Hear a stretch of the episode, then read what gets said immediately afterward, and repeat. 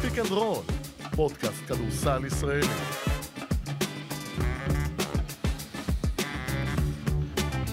Speak and Roll, מהדורת יום שני, והפעם יש לנו פרק מארח. ככה, אני כמו בית מארח של הילדים, פרק מארח. היום אסור לארח יותר. נכון. אז- אבל הפרק מותר לו, כי זה בטלפון. נכון. הנבחרת עלתה לאליפות אירופה, משמע הליגה בפגרת נבחרות, מלבד כמובן מכבי תל אביב, שאוגרת מחזורי ליגה על ימין ועל שמאל לתקופה שאלוהים יודע מתי תיגמר. שלום פרופסור אלפרין. היי ג'ובה. מה שלומך? בסדר. אפשר לומר שסיפור טוב אנחנו מארחים היום. נכון. ואתה יש לך סיפור טוב שקשור לסיפור הטוב. קודם כל נציג את האורח שלנו? לא, תכף נציג אותו. אתה לא. קודם תספר את הסיפור. לא, הוא צריך להיות אה? צריך להיות איתנו על הקו. אוקיי, אז תציג אותו בבקשה. אהלן אבירם זליקוביץ'.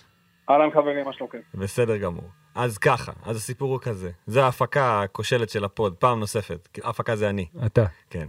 אז אתמול, כשהחלטנו שנלך אה, על אבירם זליקוביץ', אמרתי, טוב, אני אשלח לו הודעה, שלחתי לו הודעה. רגע, אבל לא, כשאתה אומר את זה ככה, זה נשמע כאילו החלטנו את זה ברגע האחרון, אנחנו כבר דנים לא. בזה... שנפלה החלטה סופית. או, יפה. שזה השבוע שאנחנו רוצים לארח את אבירם. שלחתי לו הודעה בבוקר, היה אבירם, אני וג'ובה רוצים לעשות פרק, Speak and Roll, ארבע וחצי, 45 דקות, זה בטלפון. שאל מה- אותך מה זה Speak and Roll. לא ידע. לא, אוקיי. אולי לא ידע, אבל הוא לא שאל. כי הוא מנומ- כי הוא מנומס, כי הוא מנומס, נכון? הוא מנומס אבירם. אה, ואז הוא אמר לי, אין בעיה. אמרתי, אחלה. פתאום אתמול, אני בגינה, עשרה לחמש, אס.אם.אס. אה, אתה שומע עודד, אני בשש אה, צריך ללכת לאנשהו, אז מה קורה? ואז אני מסתכל, ואז אני מסתכל בהודעה ואני אומר, אה, הייתה חסרה מילה קטנה. מחר. מחר. חסרה מילה מי- קטנה, כן. מילה קטנה מחר, שעושה כנראה את כל ההבדל. אז אני מתנצל בשם הפקת ה pod, שאתמול... תתנצל רק בשמך, הפקת ה pod לא עשתה כלום. אני ההפקה כרגע. אוקיי. אתה עורך, מגיש, GM, כל מה שצריך. אני כרגע מפיק, זוטר.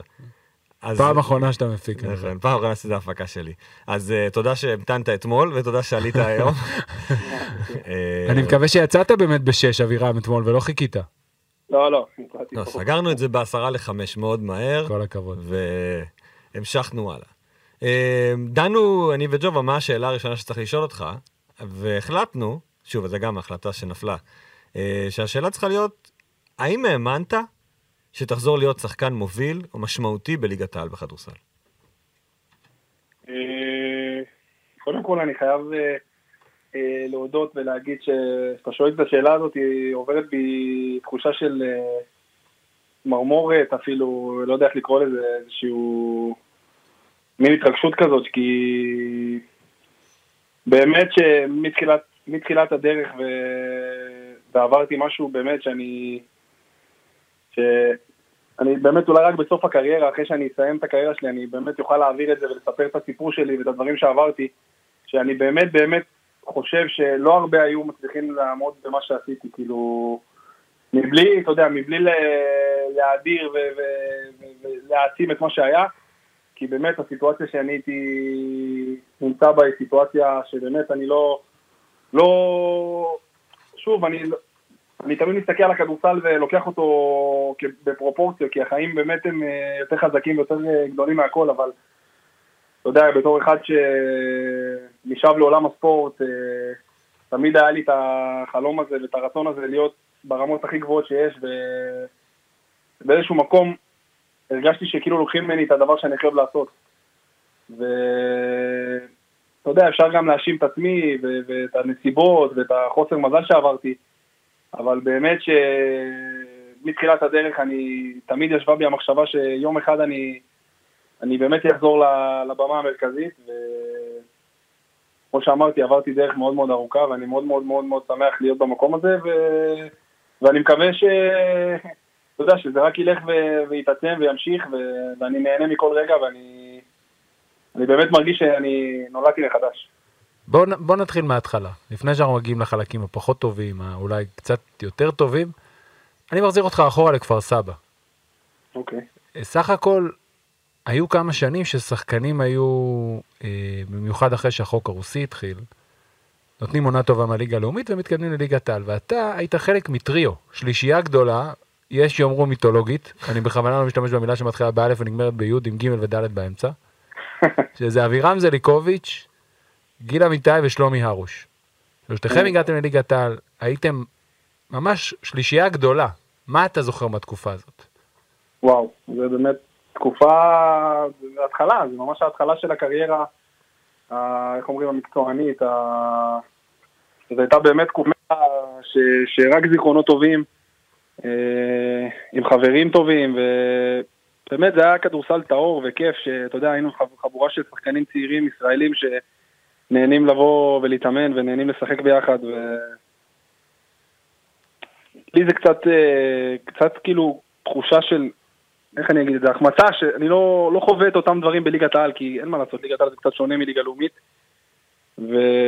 וכולי תקווה שגם אם לא בזמן שאני משחק, אה, דברים ישתנו פה גם אחרי שיום אחד, גם אם אני אפרוש או לא יהיה כבר חלק מעולם הכדורסל, שדברים ישתנו ובאמת בליגת העל יהיה איזה ש... אתה יודע, איזשהו מראה של שחקנים צעירים שיוכלו להסתכל על ליגת העל ולהגיד אה, אני רוצה להיות שם ובאמת להיות שם. אתה בעצם מכוון לעובדה ששמעתי, גם ראיתי את זה ברעיונות קודמים שלך, על כמות הזרים, שלטענתך, לדעתך, יש יותר מדי זרים ופחות הזדמנויות לישראלים, אני מניח שלשם אתה מכוון.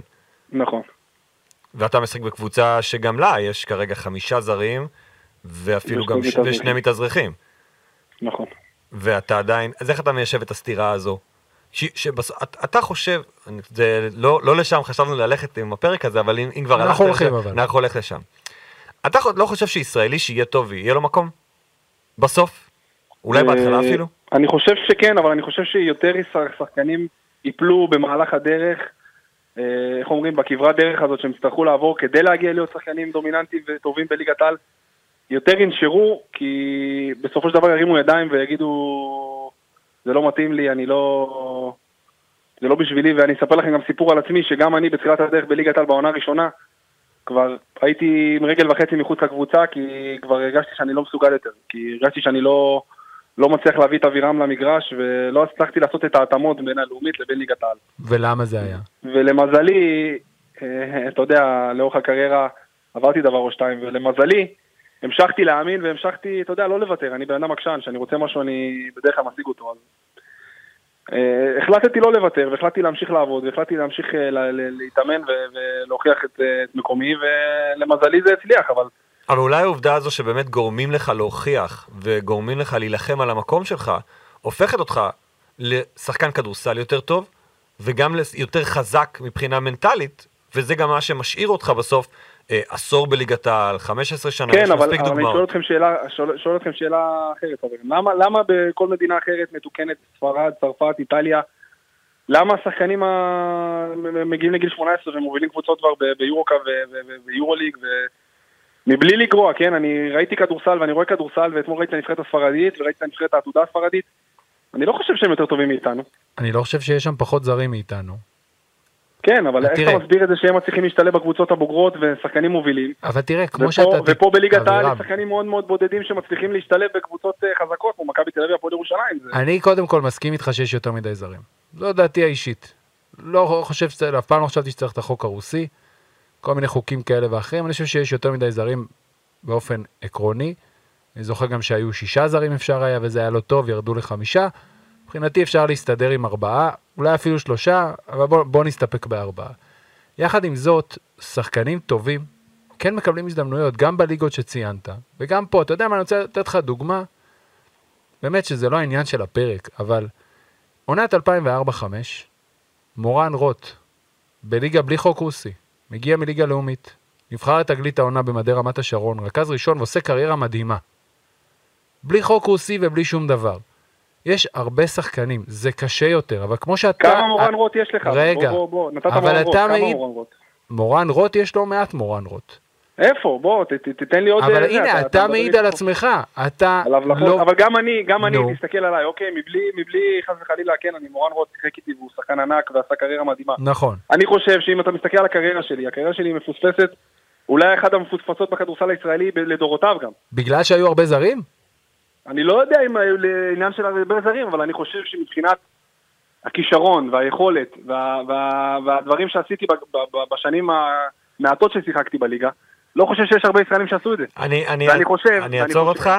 אני אעצור אותך, אני אקרא ציוץ מהשבוע שעבר של גיל אמיתי, שפשוט מתאים מאוד למה שאתה אומר. נכון. מבחינת יכולות, אבירם זליקוביץ' הוא השחקן הכי מוכשר ששיחקתי איתו. חיית משחק. חוסר מזל, הרבה חוסר בריאות ובעיקר חוסר הבנה של הסביבה שהוא לא שחקן ישראלי טיפוסי, העלימו אותו מהמפה בשנים האחרונות. מפה לשם חזר להיות ישראלי משמעותי בהרצליה, אמנם בגרסה שקטה יותר, אבל כיף לראות. אז אתה אומר, אני מתחבר גם לדברים של גיל אמיתי, שאתה, אם היו נותנים לך לפרוח בתקופה הטובה לפני הפציעות, היית הופך להיות שחקן הרבה יותר חשוב בכדורסל הישראלי ממה שיצא בסופו של דבר. חד משמעית, חד משמעית. כולם מדברים על המעבר לירושלים, שכאילו, אה, אתה יודע, אה, איך אומרים, אה, פגע לי בקריירה, או... אבל... אה, אני חושב שגם אתה אמרת את זה. כן, אבל אתה יודע, צריך לראות למה לא, למה כאילו, שוב, למה לא קיבלת הזדמנות בהפועל ירושלים. זאת אומרת, הייתי שם בסיטואציה שכביכול עברתי לשם, והסיטואציה המקצועית שלי הייתה טובה מאוד, ולא קיבלתי את ההזדמנות כי אני לא יודע למה. כי, כי אני, אני חושב שגם אמרתי את זה בעבר, אני חושב שגם הישראלי הכי טוב בליגה באותה, באותה נקודה לא היה מקבל את ההזדמנות. זאת אומרת, באיזשהו מקום הרגשתי שלא באמת נותנים לי להראות את מי שאני, כי באימונים הייתי כן טוב, וכן, וכן הוכחתי את עצמי. אבל, אבל יש, יש, הגיע איזוש... למשחק, יש איזשהו לא שינוי, באמת... יש שינוי גישה, אני חושב, בשנתיים, שלוש האחרונות, בעקבות ההצלחות של נבחרת העתודה, שאתה כן רואה שחקנים ישראלים צעירים, כן מקבלים יותר במה גם בגילם הצעיר להוביל קבוצות. נכון, לא הפועל ירושלים ומכבי תל אביב. מי, אבל מה, ים הדר ודני עבדיה? לא, ים הדר, נועם דוברת, אוקיי? מקבל הרבה דקות במכבי ראשון לציון. נכון, אבל זה, זה משהו ספציפי שאתה נתת פה ש- שני, שניים, שלושה שחקנים שהם כאילו באמת החוד החנית של, ה, של הכדורסל הישראלי, אתה יודע, בדור, בדור החדש. אז אני נותן לך עכשיו מנדט לעשות אבל איפה שינוי. נועם אביבי שפתאום אה, פורח בראשון? איפה היה? איפה היה שנה שעברה? בהרצליה. הוא היה בהרצליה ואז אז אני בראשון. אומר, אתה מבין, השחקנים האלה יכולים להתפספס, וחבל. זה הנקודה שלי. תראה, הרבה שחקנים מתפספסים. זה לא משהו חדש, זה היה נכון על הכדורסל הישראלי, גם שהיו פה שני זרים. בסדר? אני באמת, יש פספוסים, כן, אבל היום גם. עם המתאזרחים, אתם לא מדברים, אבל המתאזרחים זה לא פחות, לא פחות במרכאות גרוע מה- מהזרים. אבל אתה בבעיה חוקתית, אוקיי? מדובר בסוף ביהודים, אוקיי? אני שוב, אני לא נכנס כרגע למה כן. אתה נכנס לעובדות. יש יהודים, חוק השבות, מותר להם לעלות לישראל, הם משחקים על תקן של ישראלי, הבעיה כמובן, עניין המשכורת, יש להם את הדרכון האמריקאי, הם משחקים עליו, הבעיה הזאת, אנחנו כבר דשנו בה כל כך הרבה פעמים שאנחנו כבר לא יודעים איך לצאת ממנה, כן, אנחנו יודעים שעכשיו יש את נכון, עניין חוק אבל אתה יודע, המתאזרחים. אתם כאילו, אתם מעבירים, מדפדפים את זה הלאה, אבל זה לא אמור להיות למה אני, שאני, למה אני. צריך לשלם מיסים ולמה אני צריך לעשות צבא? זה לא מבין? קשור אחד לשני. אתה, יש לך חובות במדינה הזאת, גם להם יש חובות שהם עושים. אבל יש להם זכות יתר שתלויה באיזה סעיף מסוים בחוק, שאף אחד בעולם הכדורסל גם לא רוצה, אני לא מתחמק מזה, אבל גם לא מצליח או לא יודע איך להוציא אותו. אבל בסוף, אתה לא יכול למנוע מהם לשחק כישראלים, הם יהודים. אני לא, שם אני לא- בצד, אני- רגע, רגע, אני שם בצד את אלה שאנחנו נגדיר אותם כקומבינות. לא נכנס לזה. אבל לא חסר ישראלים מתאזרחים לצורך... שוב, ד- אין גם דבר כזה מתאזרח. בוא נשים את זה על השולחן. זה יהודי. סתם מילה של סלנג של כדורסל, ישראלי, יהודי, אוקיי? עולה. ג'יי כהן, כן. ספנסר וייס, טרוויס ווריק, לצורך העניין. שלושה ישראלים יהודים כשרים, ווילי וורקמן. שלא נדבר על התיקון לחוק השבות. עם האבא ונשוי וזה, כמו סילבן לנצברג. אין לך מה לעשות עם זה. אין לך מה לעשות עם זה. מה אתה לא, יכול ברור. לעשות? לא- מגיע מה להם אזרחות, הם יהודים. שזה- זה מאוד מאוד פוגע בשחקנים הישראלים הצעירים. נכון, הבעיה היא, היא שלוקחים שחקנים, עכשיו עזוב את הדרכון, שהם לא טובים. זו הבעיה. זה מה שאני אומר. אני אומר אם דבר לוקחים- כזה, אם- אם ישלמו מיסים רגיל, אוקיי, אז לא, זה לא קשור. לפי יכולת המקצועית שלהם, לפי יכולת המקצועית של השחקן. זה חצי נכון. טוב. כי סילבן לנדסברג לצורך העניין, הוא שחקן טוב, נקודה, לא משנה כמה מיסים אתה משלם עליו. שחקן מצוין, נכון? יפה. אבל- אבל סילן לנדסברג הוא יוצא מהכלל. הוא יוצא מן הכלל, אבל כבר יש לא מעט כאלה. אני לא מסכים איתך, אני לא חושב שיש הרבה ברמה הזאת. למה? אני, אני, אם אני מתחבר לדברים של אבירם, אני אומר שיש שחקנים שיקבלו צ'אנס יותר מהר, בגלל שהם משלמים עליהם פחות כסף, ואז יש להם יותר הזדמנות להוכיח את עצמם, מאשר השחקן הישראלי שעולה עכשיו ממחלקת הנוער, ואומרים, אוקיי, גם הוא עולה לי יותר, וגם לא בטוח שהוא יותר טוב מאותם שחקנים שאני מביא מתאזרחים. מקבל. אבל, אבל אתה לא בודק את זה. כי אתה. בעצם אומר, אני נותן להם מקום. כי אני מעדיף אותם כרגע, כלכלית ומקצועית. זה, זו בעיה. אני, אני, זו בעיה. אני חושב שבלאומית זו בעיה יותר גדולה אפילו. בלאומית כיום כן. כי בגלל החוק המתאזרחים החדש שהולך לפגוע. זה בכלל, שם זה היה ליגה נטו ישראלים, פעם לא היה מתאזרח, לא לא ידענו בכלל מה זה. היה זר אחד גם, כן, היו ממש מעט. היום זה, זה מכה. בליגה הלאומית. בוא נחזור למסלול. בוא, בוא נחזור בוא לאבירם נחזור זליקוביץ'. לאבירם זליקוביץ'. אתה, נחזור... אתה יודע למה זה, אני מאשים את אלפרין בכל השיח הזה? אני אסביר לך. איך אני?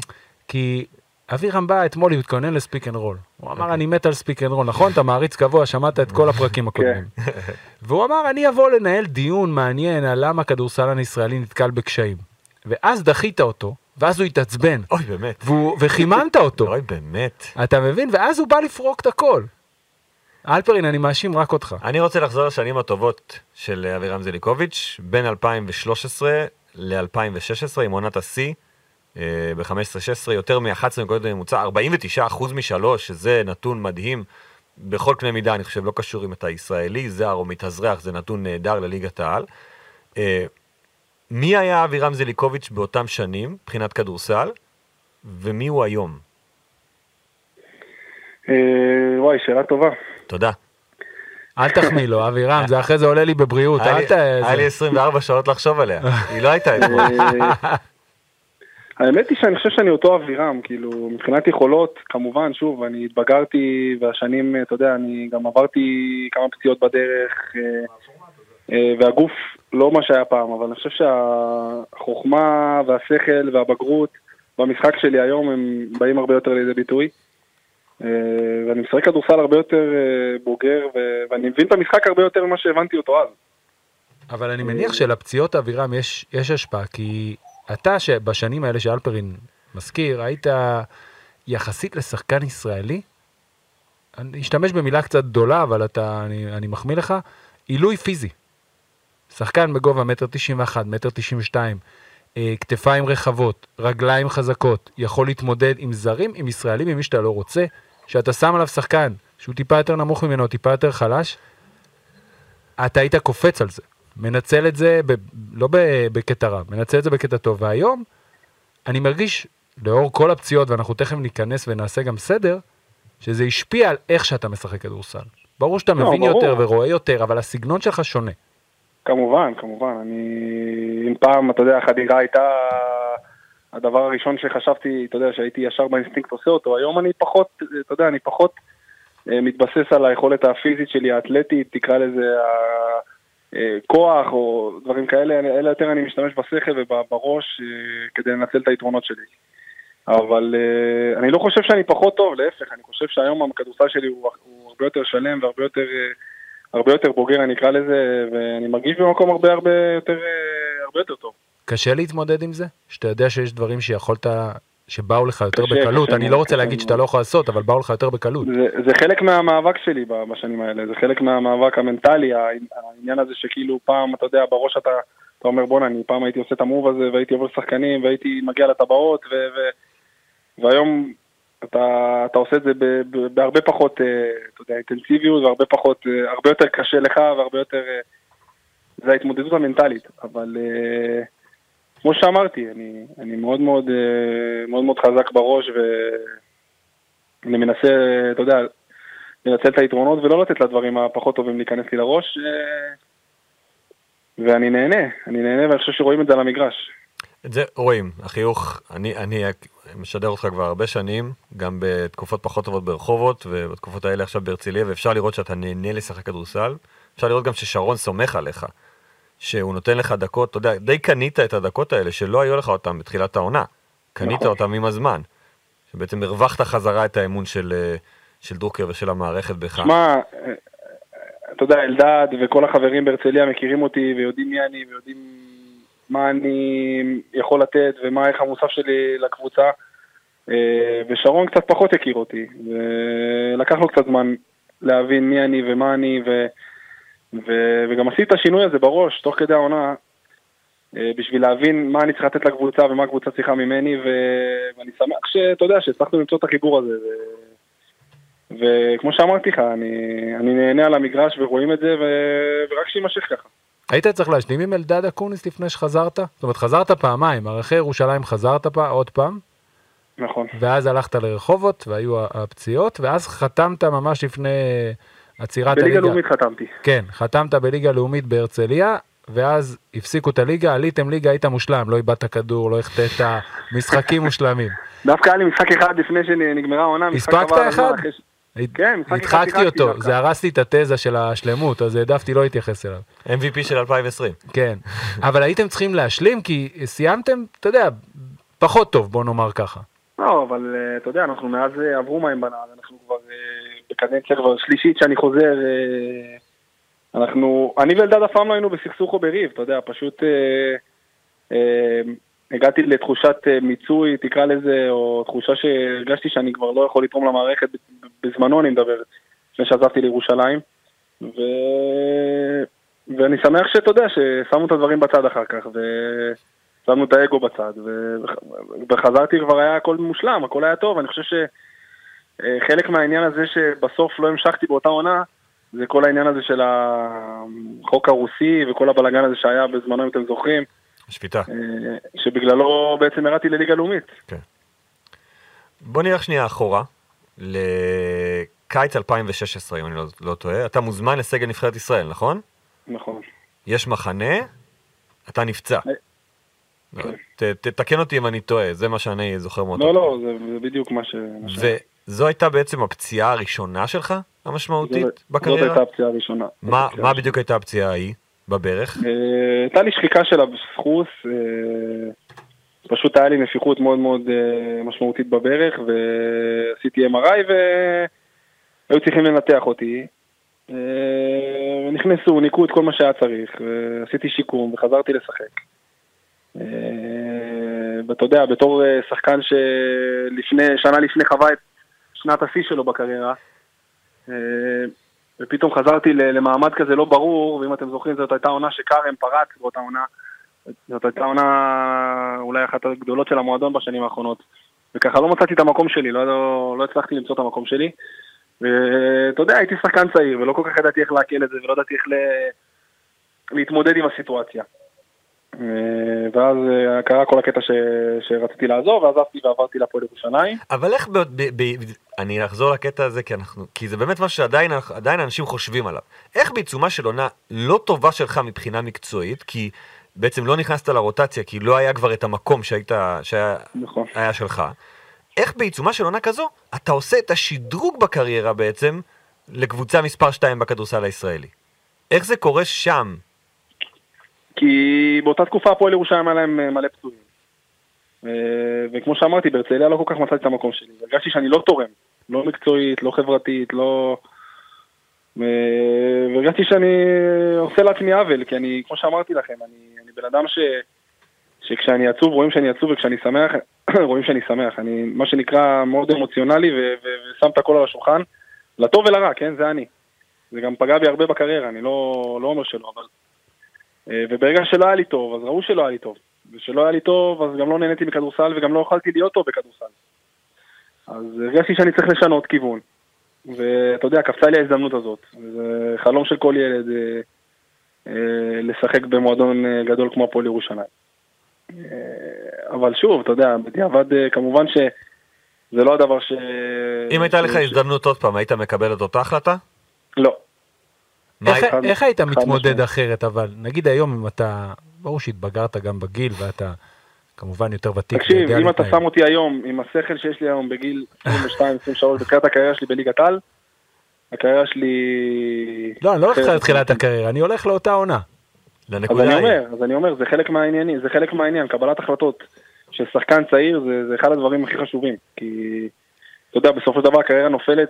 אבל אתה- אתה לא על- מקבל החלטה לבד. סוכן? אה, לא, משפחה? אני חושב שבאותה באותה תקופה אני לקחתי את ההחלטה לבד, אתה. אתה מקשיב לאנשים אחרים, אבירם? אני שואל עכשיו ברצינות, כי אתה, אתה, שאתה- אתה אומר, כמובן, תשמע, כמובן שאני מקשיב, אבל אני לא מאלה שמתייעצים יותר מדי עם הרבה אנשים, אני לא מאלה ש... אני יותר אה, סגור ויותר אה, רגע בוא נשאל את שלי. שאלת המפתח לאשתך אתה מקשיב?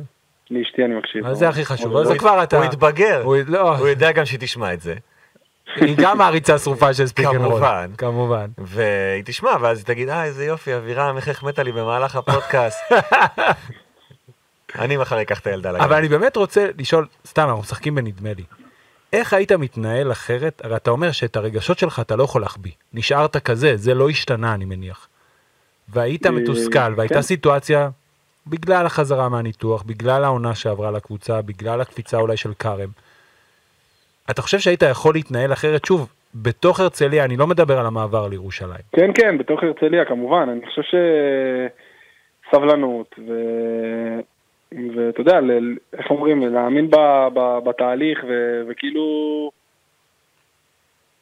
שוב, להמשיך להוכיח את עצמי, כי אני יודע שמבחינת יכולת, אני שמה. גם הרצליה לא, הם לא רצו שתעזוב. לא היה לא, רצון אני- שתעזוב שם. אני יודע, מצד אחד לא רצו, ומצד שני גם לא רצו לשחק, אז אתה יודע, זה כאילו... איך אומרים? מוש... לא, מושכים בחבל בשתי קצות, אה, אה, קצותיו, אתה מבין? אז כאילו, מצד אחד רוצים שאני אשאר, ומצד שני לא נותנים לי את הבמה ואת, ה... ואת התפקיד שאני חושב שמגיע לי וצריך אה, לקבל. אבל, אבל שוב, זה עניין של, באמת, זה, זה, זה היסטוריה, והמועדון הזה הוא מאוד מאוד יקר לליבי, וכמו שאמרתי, אני, אני מאוד שמח שחזרתי, ומאוד שמח להיות חלק מהמעגל הזה שוב. ו- ואני רק מקווה שזה יימשך ושאני אשאר בריא. ואז שאתה באמת, טפו טפו טפו, תישאר בריא, זו הייתה הפציעה לצערנו הראשונה. מתי בעצם מגיעה הפציעה הנוספת שמעכבת אותך? זה בין ירושלים לחזרה הפציעה- להרצליה, נכון? לא, לא, הפציעה הנוספת שהיא הגיעה זה ברחובות, בתחילת העונה, במשחק אימון. נגד רעננה? נכון, בדיוק. לפני תחילת העונה, זה... גביע זאת הייתה הליגה. גביע הליגה? זה לא היה גביע הליגה, זה היה אפילו משחק אימון, זה אפילו לא היה גביע הליגה. זה ממש קרה דקה לסוף המשחק. אה, חדרתי לסל ומישהו נתן לי אה, ממש... נתן לי קטנה כזה בברך, והברך שלי הסתובבה וקראתי את המיניסקוס, ו... ומפה בעצם התחיל כדור שלג ש... של שנתיים ומשהו, שבאמת הייתי. בתוך חלום בלהות. אבל זה, והיה לך עוד פציעה במהלך אותה עונה, אבל בברך נכון. השנייה, בברך השנייה, נכון? נכון, כי זה מה שאמרתי, אני... פשוט זה היה קומדיה של טעויות כל, ה... כל העניין הזה. גם ה... הדרך טיפול וגם ההתאוששות וגם החזרה למגרש ו... והכל ביחד אה, עשה לי נזק עצום עצום עצום עצום. גם מבחינה פיזית וגם מבחינה מנטלית, שזה לא, לא פחות חשוב אם לא יותר חשוב. מה זאת אומרת דרך הטיפול? אה, אני קראתי את המיניסקוס כמו שאמרתי, ובמקום לעשות ניתוח, אז החלטתי בעצת, אה, אתה יודע, רחובות, אנשי רחובות, אה, פיזיותרפיסטים, סלש רופאים, לעשות טיפול שמרני ולא, ולא לנתח. ובעצם חודש הייתי בחוץ ועשיתי חיזוקים ולא עשיתי ניתוח, חזרתי לשחק אחרי חודש, וזה החזיק מעמד חודשיים, ואחרי חודשיים כבר לא יכולתי לעמוד על הרגל יותר, ונכנסתי לניתוח באמצע העונה, ואחרי שחזרתי מהניתוח עשיתי שיקום ברחובות, וחזרתי קצת לפני הזמן כנראה, אה, מיסו עליי יותר מדי, הייתי, אתה יודע, הייתי, חזרתי מפציעה של שלושה חודשים בחוץ, ומשחק ראשון 30 דקות פתאום, ודברים שכאילו מבחינה פיזית לא, לא יכלתי לעמוד בהם, ובעצם את אותה עונה סיימתי פצוע בשתי הברכיים. גם בברך השנייה זה היה מיניסקוס? או לא, בברך? השנייה זה היה שחיקה של הסחוס, שזה בעצם מה שהיה לך בהתחלה. שזה היה מה שהיה לי בהתחלה בברך השנייה, אבל פשוט בגלל שכביכול, כנראה חזרתי מוקדם והברך לא הייתה מספיק חזקה, אז העמסתי משקל על הרגל השנייה. עשיתי נזק בעצם לברך השנייה. ו- ואיך בעצם כל הסיפור הזה נגמר מבחינתך? איך, מה בסוף הטיפול שעזר? הניתוחים בשתי הברכיים? אה, אז בעצם סיימתי את העונה הזאת, וחצי שנה לא ידעתי מה לעשות, הייתי מתאמן וכואב לי ונפיחות, ו... ולא ידעתי מה לעשות, והעונה עמדה לצאת לדרך, ובאמת לא ידעתי מה לעשות, לא ידעתי מה לעשות. ברמה שאתה חושב על לא לחזור לשחק? בטח, מה זאת אומרת, אני, אני, אני אומר לך שוב, זה כנגד כל הסיכויים העניין הזה שחזרתי לשחק, אני כבר הייתי רגל, יותר מרגל וחצי בחוץ. אה, כבר היו לי מחשבות על דברים אחרים, ו- ו- והלכתי לרעיונות עבודה במקומות אחרים, ופשוט, כמו מה? כמו מה, היה לי רעיון עבודה אפילו בדואר, בדואר. בדואר. בתור מנהל הסניף אני מקווה. תבין, תבין לאיזה מצב הגעתי. ברמה שאתה אומר- אומר אני מחפש פרנסה. כן, אתה יודע, אני התחתנתי ונולדה לי ילדה אה, לפני שנה ו... וקורונה, ובאמת עברתי תקופה שאני, אני אומר לכם, זה באמת לא, לא בשביל, אה, אתה יודע, לא בשביל אה, להעצים או להגדיל, אבל באמת עברתי תקופה מאוד מאוד קשה בחיים שלי, ואני שמח מאוד שזה מאחוריי, ואני מקווה מאוד לצאת לדרך חדשה, ש... שאתה יודע, ש... שאני לא, לא, לא אחזור לתקופה הזאת. אבל ב- ב- בסוף- חשוכה. עוד לא הגענו בעצם לנקודה של איך אתה פותר את זה. אמרת, אוקיי, היה חצי שנה, לא ידעתי מה לעשות, כאבו, אז, כאב אה, לי. שוב, אתה יודע, הכדורסל תמיד היה המקום המפלט שלי. וכשהייתי דורך על המגרש, אז הקסם הזה, אתה יודע, תמיד התחושה הזאת שאני שם, כי בראש באמת אני תמיד, תמיד האמנתי שאני עדיין שייך לרמות הגבוהות, אתה מבין? זאת אומרת, גם עם הפציעות וגם הכאבים וגם, תמיד ידעתי שמבחינת כישרון ויכולת, תמיד אני, אני שם. ואם אני אצליח להתגבר על הפציעות, ואם אני אעבוד קשה, אז אולי זה יקרה. ואני שמח שאתה יודע, אני עבדתי מאוד מאוד קשה והייתי אצל אה, אין ספור אה, רופאים ואין ספור אה, מטפלים, פיזיותרפיסטים ושיקומים, ו- ו- ועברתי דברים באמת. אה, אין מקום בן אדם שלא הגעתי אליו והצלחתי להתגבר על זה, אני שמח שהצלחתי להתגבר על זה, אבל שוב, זו עבודה יומיומית, גם היום. היום אתה בלי אה, כאבים? היום אני סובל מכאבים, אבל אתה יודע, אני נותן לה... אני, אני, אני, אני מתחזק את זה 24/7, כאילו... היום אני, אני מתייחס לגוף שלי בצורה אחרת, אני, אני מטפל בגוף שלי בצורה אחרת, ו...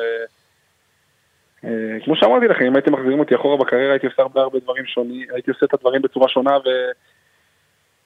ובאמת, אם יש פה ילדים או ספורטאים צעירים שמקשיבים, אז באמת, קחו את עצמכם בגיל צעיר ב- ב- בידיים, מה שנקרא, ו- ותטפלו, ואל תחסכו מעצמכם שום דבר, כדי באמת להאריך את הקריירה שלכם ולהגיע כמה שיותר רחוק, אתם צריכים לטפל בגוף ולהשקיע ולשלם כסף, אין מה לעשות. אני שילמתי לא מעט כסף, בגיל מאוחר אה, לצערי, אבל איך אומרים, עדיף מאוחר מאשר אף פעם לא. תגיד, לפני חמש שנים אמרת בריאיון לברק חקלאי את המשפט הבא: עד ששחקן ישראלי, לא ממכבי תל אביב או מירושלים, משחק טוב, אז מחפשים את הרע. אתה עדיין מאמין במשפט הזה? כאילו, אה, אתה יודע, כבר עברו חמש שנים, התבגרת, אתה יותר חכם. התבגרתי, נכון, אבל אני עדיין חושב ש... שהמשפט אין הזה נכון? כן. למה? אתם קודם נתתם ציטוט על... אה, ציטוט של גיל אמיתי בטוויטר. כן. אני חושב שהוא סיכם את הקריירה שלי באמת בכמה משפטים. כי באמת, חלק מזה שלא הייתי בליגת העל ונעלמתי מהמפה, זה בגלל העניין הזה שכביכול אני לא הישראלי הטיפוסי. אני באמת לא הישראלי הטיפוסי, כי בדרך כלל הישראלים, אתה יודע, בליגה המאמנים הישראלים מצפים מהשחקן הישראלי לעלות, לשמור חזק, לקחת ריבון, לעשות פאולים, ואיך אומרים, להיות אה, כינור שני, כינור שלישי לזרים, ו... וזה בדיוק ההפך ממני. וזה לא בר שינוי? זה לא משהו שאתה יכול, כאילו, מכירים אותך, המאמן כבר מכיר אותך, הוא רואה מי אתה. זה לא שאומרים, אולי כן, אומר, עליי- אוטומטית אני אומרים לה- הכדור אני לא הולך-. הכדור הולך לזרים ולא לאווירם. אז אני אומר, אני הצלחתי לשנות את זה בחלק מהמקרים, בחלק מהזמן בקריירה שלי. אבל זה לא מגמתי וזה לא, אתה יודע, זה, אין את זה בכל הליגה. זאת אומרת, אה, זה תראה, מקרים בודדים, מקרים ספציפיים בכל מיני קבוצות כאלה ואחרות, זה לא משהו שהוא גורף. אבל יש שחקנים שהם, אני מניח גם דומים לך מהבחינה הזאת שהם, בוא נשתמש במילים חיוביות, טמפרמנטים, אכפתים, אמוציונליים הגדרת את זה. אוקיי. יש הרבה שחקנים כאלה, וחלקם מוצאים את המקום, חלקם לא מוצאים את המקום. השאלה אם הטענה הזאת היא באמת נראית לך גורפת, שקשורה לכל השחקנים שהם מחוץ למכבי תל אביב והפועל ירושלים, או שזה משהו שאתה הרגשת... לא, הרגשתי באותה נקודה זמן ספציפית שכמו שאמרתי לכם, בכדורסל אני הרגשתי שאני לא ממצה את עצמי אף פעם. גם אחרי השנים היפות, אף פעם לא היה לי איזו הצעה קורצת מקבוצה, כי הרגשתי שאני לא מספיק מתוקשר אולי, אולי לא, לא היה לי את הסוכן הנכון. והרגשתי תמיד שהשם אבירם, כאילו, תמיד שומעים את השם אבירם, אז נרתעים ממני. מה, מה, מכל הדברים שהיו, כאילו, כביכול, כל השמועות והסטיגמות שנוצרו לי בשנים האלה. מה, מה אלה, ש- איזה שמועות וסטיגמות נוצרו לך? באמת, שאני בעייתי בחדר הלבשה, ושאני בעייתי עם מאמנים, ושאני לא מאומן, שאני לא קואוצ'טבל, ואני לא פה ואני לא שם. וזה בגלל זה- שבעצם אתה דורש, יש לך דרישות אחרות משחקן ישראלי. אה, א', אני חושב שהדרישות שלי, מה זה דרישות? שוב, כמו שאמרתי, אני רצונות, רצונות. לא דרישות, רצונות רצונות. זה מילה יותר טובה. תודה ג'ובה. אני פשוט יותר דעתן, ואני פשוט יותר אה, אחד ש... ש- שאתה יודע, ש... שמשחק את המשחק, אלא אני לא רובוט. אני משחק את המשחק, אני, אתה יודע, אני גדלתי ב... ב, ב הכדורסל זה משחק טהור ש, שלמדתי אותו לשחק אותו בשכונה עם החברים, אז כאילו, אני, יש לי הרבה מהמשחק שלי זה, זה, זה, זה אינסטינקטים וזה דברים שכאילו כביכול הם לא, הם לא אוטומט, זאת אומרת אני עושה אותם בו, באינסטינקט של אותו רגע. ואתה יודע, בכדורסל הישראלי פחות אוהבים שחקנים כאלה. ואיך זה מסתדר היום אז? זה. אה, הבגרות הזאת במשחק עכשיו שאתה מדבר עליה? אני חושב שכן, אני חושב שהבגרות וה... וההבנה של המשחק, היום אני מבין, אני חושב שאני מבין את המשחק ברמה, ברמה אחרת מבחינת איפה לעמוד, איפה להיות, איפה לזוז, לאן למסור. כאילו, שמע, הבגרות והשנים עשו את שלהם. והיום אני מרגיש במקום הרבה יותר שלם, אני לא מחפש היום, אתה יודע, לעשות את הסקור ולקלוע 20, כמו שבגיל צעיר הייתי מחפש את זה ורוצה את זה. היום חשובה לי ההצלחה של הקבוצה, ו- ו- וחשוב לי לתרום בכל אספקט במשחק כדי שהקבוצה תנצח. זה, זה המטרה שלי. אתה כרגע מקום חמישי בקלעי כל הזמנים של בני הרצליה, יש לך 1,208 נקודות, נכון להבוקר, ויש לך עוד ארבעה שחקנים לפניך, שלדעתי לפחות שלושה, אתה יכול לעבור. אתה יודע מי הם? אתה יודע מי הם? אה, יש לי את אה, ג'ף אדריאן לפניי, נכון, ופול תומפסון, נכון, ואמיר כץ, נכון. ועוד אחד הכי קרוב? ועוד אחד אני לא יודע, משהו, לא זוכר. תן לו רמז. ג'ון. ג'ון אדסון. יפה. אז אתה רחוק 80 נקודות מג'ון הדסון, שזה אומר שני משחקים טובים. לא, הגזמת שלושה. כן. כל, כל השמות פה, אתה יודע, אמיר כץ רחוק, הוא על 2024 נקודות, זה מרחק שיא. ג'ף אדריאן 1430, 1208 נקודות. אפשרי. שנתיים טובות. כן. כמה עוד יש לך? אחרי מה שעברת, עם הברכיים, עם העובדה שכרגע אתה בעצם, אתה שחקן של הרצליה ונראה שזה המקום שמתאים לך, כמה אתה, אתה מרגיש שאתה יכול, רוצה, צריך להיות בכדורסל? תשמע, מבחינת רצון, אתה יודע, הרצון שלי הוא... אני לא רואה את עצמי עושה משהו אחר, אני מאוד מאוד מאוד אוהב את הכדורסל ומאוד מאוד בוער בי, המשחק הזה מאוד מאוד בוער בי. כאילו, אני לא מרגיש שאני באיזשהו מקום, אתה יודע, שבע או...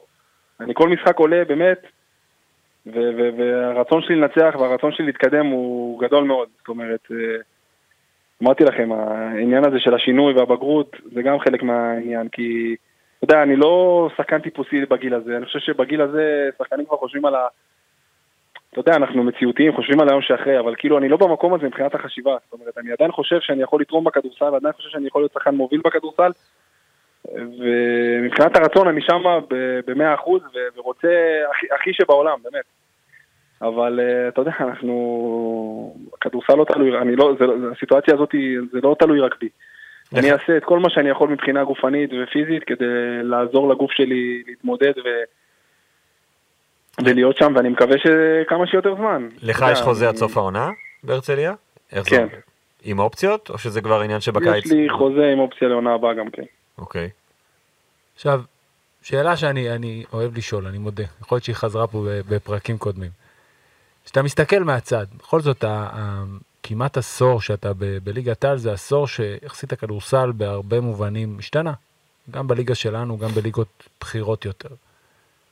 הסגנון שלך השתנה, אבל כשאתה רואה את זה מהצד, אתה באמת רואה, הכדורסל נראה שונה? או שזה רק עניין שזורקים יותר שלשות וזהו? אבל האמת אני לא, לא ירדתי, את ה- אתה יודע, לא, לא יורד לנקודות, לא ירדתי לנקודות האלה גם, אני גם לא כל כך זוכר את מה היה לפני, אתה מבין? אני כאילו, אני חי את, הכדורסל העכשווי, אתה, אתה, אתה יודע, אני לא מסתכל על משחקים מלפני כמה שנים, זאת אומרת, זה לא, אני בטוח שהכדורסל השתנה, ואני בטוח ש... אתה יודע, גם העניין הזה של המתאזרחים זה, זה משהו שהוא רק בשנים האחרונות אה, תפס תאוצה, ולפני זה כמעט וזה לא היה קיים כל כך. אה, אבל אה, אתה יודע, הכדורסל, אתה יודע, הוא, ככל שאנחנו מתקדמים הוא הופך להיות יותר מהיר ופוזיישנים יותר קצרים וכמו שאמרת שלשות. אה, לא יודע, לא שמתי לב לזה, אתה יודע, בצורה, אני לא נכנס לזה, פשוט אני משחק את המשחק הכי טוב. וכן, עכשיו רגע, אם הזכרת מתאזרחים, אני רואה שזה יושב זה עליך. בוער בך נורא. זה בוער בך. עכשיו אתה, יש לך מתאזרח בקבוצה, אפילו שניים. שניים. שלושה. יש לנו שניים עם אחד פוטנציאלי שאמור להגיע. עם גייב לוין זה שלושה. אני, אני, אני אלך על שניים. אוקיי, סבבה, יש שניים ואופציה. שניים ואופ... איך אתה מיישב את הסתירה, וואי, איזה שאלה כבדה. איך אתה באמת אבל מתמודד עם זה ביום יום? אנשים שמבחינה, אה, ברמת היום יום, אני מניח שאתה מחבב אותם, מסתדר איתם, אוהב אותם, כיף לך איתם, ומצד שני, אתה אומר לעצמך שאתה מדבר עם חברים, שאתה חושב על זה שאתה מדבר פה ב Speak and Roll או בפוזיציות אחרות, אתה אומר הם מקבלים צ'אנסים יותר ממני, או, או לא ממני כי אני כבר בגל אחר, משחקנים צעירים. איך אתה מתמודד עם זה ביום יום, או שזה זה לא משהו שיושב בכלל? לא, תשמע, אתה יודע, אנחנו עכשיו מדברים כדורסל, אז אני נוגע בנקודות האלה, אבל ביום יום זה לא, לא, אני לא מתייחס לזה, זאת אומרת, אני, אני לא, אני לא פותח את זה ביום יום, אני לא מדבר על זה כמעט, זה לא באמת מעניין אותי, אני בסופו של יום רוצה לנצח, ואני חושב שמי שעולה למגרש, בו, כאילו אם המאמן מחליט ששחקן XYZ עולה למגרש, אז אני בטוח שהוא סומך עליו ורוצה, וכמובן שהמאמן רוצה לנצח, אז אם זה השחקן הכי טוב באותם רגעים לעלות על המגרש, אז זה השחקן. אני פחות נכנס לאזרחויות כאלה ואחרות, כי מבחינתי מתאזרח זר זה אותו דבר, אז כאילו זה לא, לא באמת, אה, אני לא באמת מתייחס לזה ביום יום, אני גם במקום אחר, כמו שאמרתי לכם, אני כבר לא אותו שחקן צעיר שנלחם את המלחמות עכשיו של אנשים אחרים, אני, טוב לי בפינה שלי, בשקט שלי, ו, ואני מנסה להתרכז בכדורסל, ו, ולעשות את המקסימום, אתה יודע, פחות להתרכז בדברים אחרים. אז תתרכז בכדורסל, זה הכי חשוב, זה מה שאנחנו כולנו מנסים לעשות בתקופה הזו. אה, תשמור על הבריאות שלך, על הברכיים, על הילדה, על הכל, רק שתהיה בריא. תמשיך להקשיב לאשתך כמו נכון, שאלפרין עושה, לאשתך. זה עוזר לו מאוד. נכון. כל פרק של, של Speak and Roll אנחנו מזכירים את זה פעם אחת לפחות. אני, אחרי זה חותך את זה, שולח לעדי בוואטסאפ, כי, גם היא, תדע. כי גם היא מאזינה, שרופה, סתם, לא שמעה אף פרק. עצוב. רגע, אשתך תשמע את הפרק הזה? לא. לא, אה, אשתו של אבירם. כן, אני מאמין שכן. אוקיי. אז אה, תשלח לנו אחרי זה חוות דעת. איך היינו וזה, אנחנו כן. רוצים להשתפר. אבירם, תודה רבה. תודה רבה אבירם, היה מאוד חברים, כיף. תודה רבה לכם, רק ו- בריאות, שמור על עצמך. אמן, אמן, תודה. אמן אמן. טוב, עד כאן Speak and Roll להפעם, פרק מארח היה מוצלח ב- במיוחד לדעתי. אתם יכולים להמשיך להאזין אה, גם ל Speak and Roll וגם לפודקאסטים אחרים מבית ערוץ הספורט באפליקציית חמש רדיו, פודקאסט ה-NBA מידו גור, נדב יעקבי, פודקאסט הכדורגל הישראלי אה, של אה, יונתן כהן ואו אסף אבולעפיה עולים לרגל, ושידורים ישירים ותוכנית הרדיו חמש באוויר. עד כאן Speak and Roll להפעם. תודה לכם. ביי. פרופסור. ביי, ג'ובה.